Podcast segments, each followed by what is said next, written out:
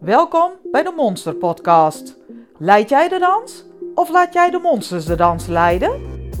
In deze podcast zal ik stilstaan bij hoe je gedachten en je gevoel werken en hoe jij hier dan mee om kunt gaan. Of juist niet. Maar ja, goed, daar hebben we het dan nog wel over. Mijn allereerste Monster Podcast. Hierin zal ik mezelf voorstellen en kun je een kijkje krijgen hoe ik tegen dingen aankijk. En dan weet je ook meteen waar heel de reeks van de Monster Podcast over zullen gaan.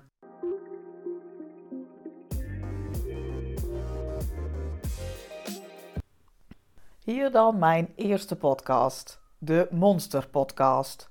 Die naam die leg ik eh, later wel wat beter uit, want ik zal eerst beginnen met mezelf voorstellen. Ik ben Marion Simons van Groeipunt in Hapert en dat is een eh, praktijk voor integratieve psychotherapie. Uh, integratief, dat is alleen maar omdat ik van de verschillende technieken die ik door de jaren heen geleerd heb, gebruik maak.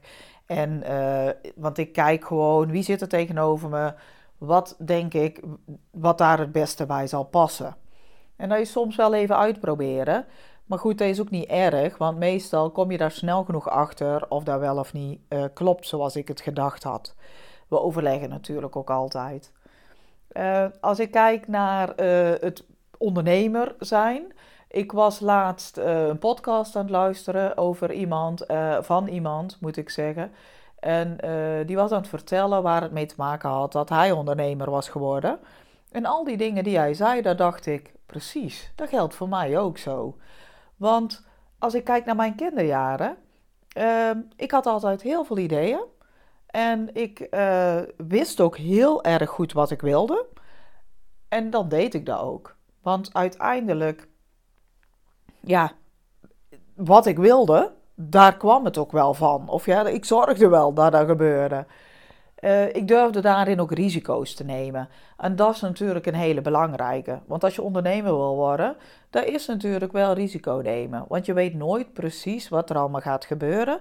En uh, nou ja, dan moet, dat, daar zit wel iets in dat je daar aan moet kunnen.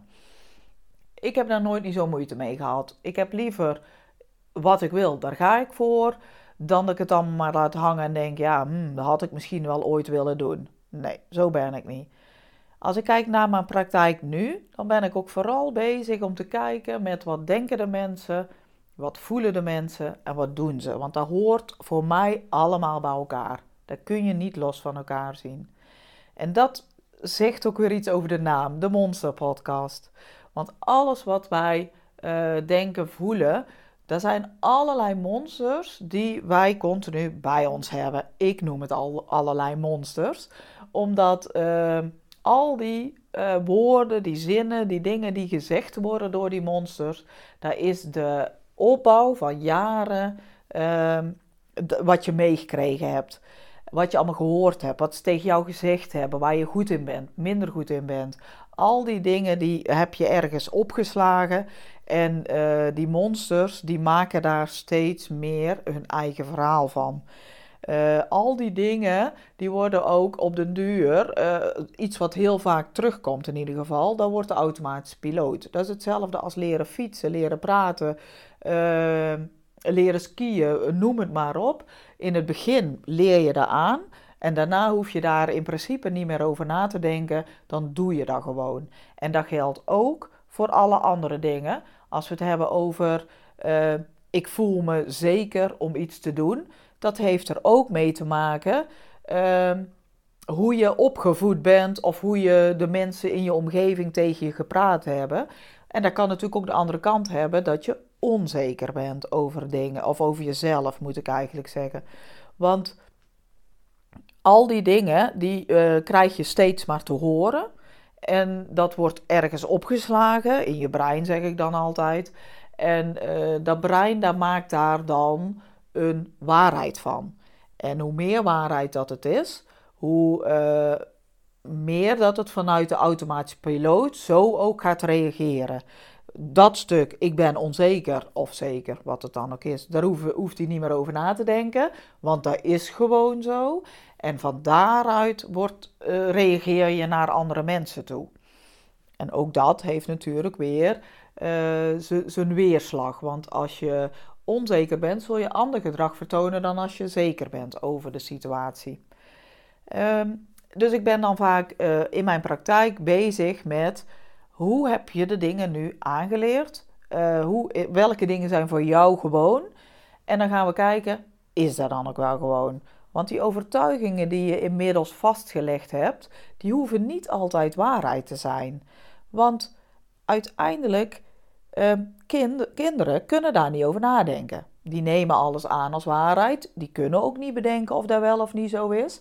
Want die hebben het brein is nog niet zo ver ontwikkeld om daar verder over door te denken. Kijken naar de situatie is ook anders als kind zijnde, omdat je niet goed in kunt schatten hoe die dingen precies in elkaar zitten. Dus wat je omgeving doet, dat zal wel kloppen. Wat je omgeving zegt, zal ook wel kloppen. Daar ga je dan gewoon van uit. Daar sta je ook niet bij stil. En hoe, naarmate hoe ouder je wordt en je staat daar nog steeds niet bij stil, dan blijf je dat op die manier zo gewoon doen en overdenken. En als je daar uh, wel bij stil gaat staan, dan ga je echt kijken: wat denk ik nou als er iets gebeurt? Wat voel ik dan en hoe gedraag ik me dan? En daar ben ik steeds mee bezig, want daar begint het. Die eerste gedachte en gevoel die we hebben, daar kunnen we niet zoveel aan doen. Dat gaat vanuit de onbewuste, komt daar naar boven. En dan ga je de keuze maken, wat doe ik daarmee? Want die eerste die kunnen, ja, die gaat naarmate wel veranderen, maar niet meteen. Want dat gaat niet, zo werkt het niet. De onbewuste, dat gaat, eh, de, uh, gaat voort vanuit alle dingen die het eerder al uh, gewend is geweest. En aangeleerd heeft gekregen. Uh, maar op het moment dat je dus daar stil bij gaat staan van hé, hey, hoe doe ik dat nou? Hoe, uh, hoe reageer ik? Of hoe voel ik me dan op zo'n moment? dan kun je daarover na gaan denken. Wat vind ik daarvan? Ben ik het daar ook wel echt mee eens? Ehm, want uiteindelijk kan het zo zijn dat je soms dingen gewoon doet. Bijvoorbeeld als we het hebben over de kamer heel netjes opruimen elke dag opnieuw. Dat doe je omdat ze dat thuis ook altijd deden. Omdat steeds tegen jou gezegd is: zorg nou eens dat die spullen aan de kant zijn. Het moet wel allemaal spik en span zijn. Waar zullen, nou, dat zal misschien niet gezegd zijn, maar het is wel een boodschap die uh, er tussendoor uh, gegeven wordt. Wat zullen andere mensen daar wel niet van zeggen als het hier zo'n rotzooi is?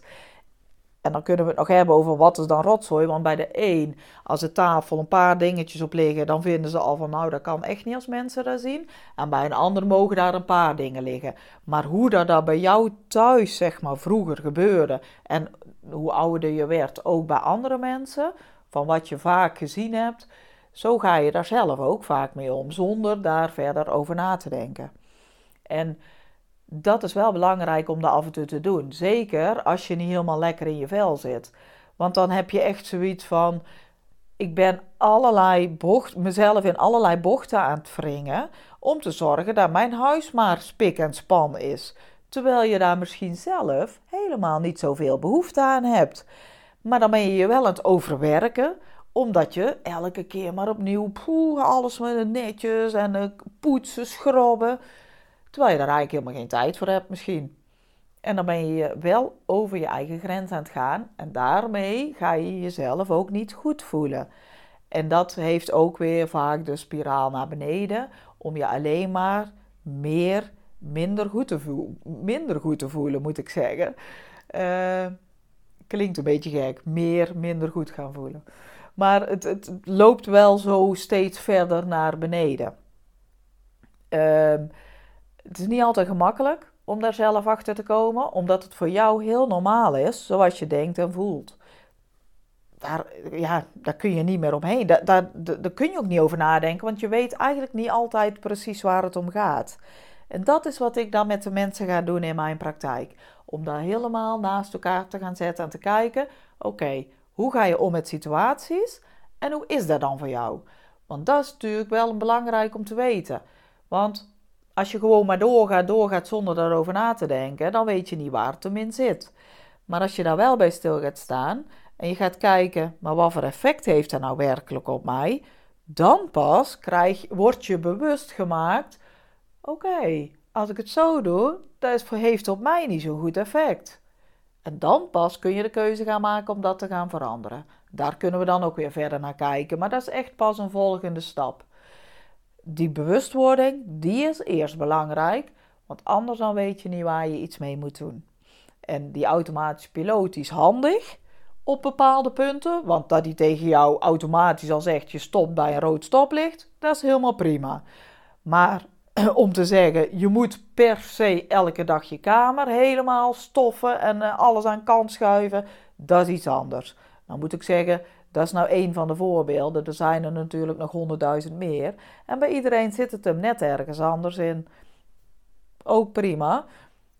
Belangrijk om bij jezelf te kijken. Want op zich, dat jij bijvoorbeeld daar last van hebt, dat je elke dag uh, in je kamer of in je huis zo bezig bent, dat wil niet zeggen dat iemand anders dat ook zo heeft. Want daar zit steeds verschil in. Iedereen is anders en dat geeft ook niks.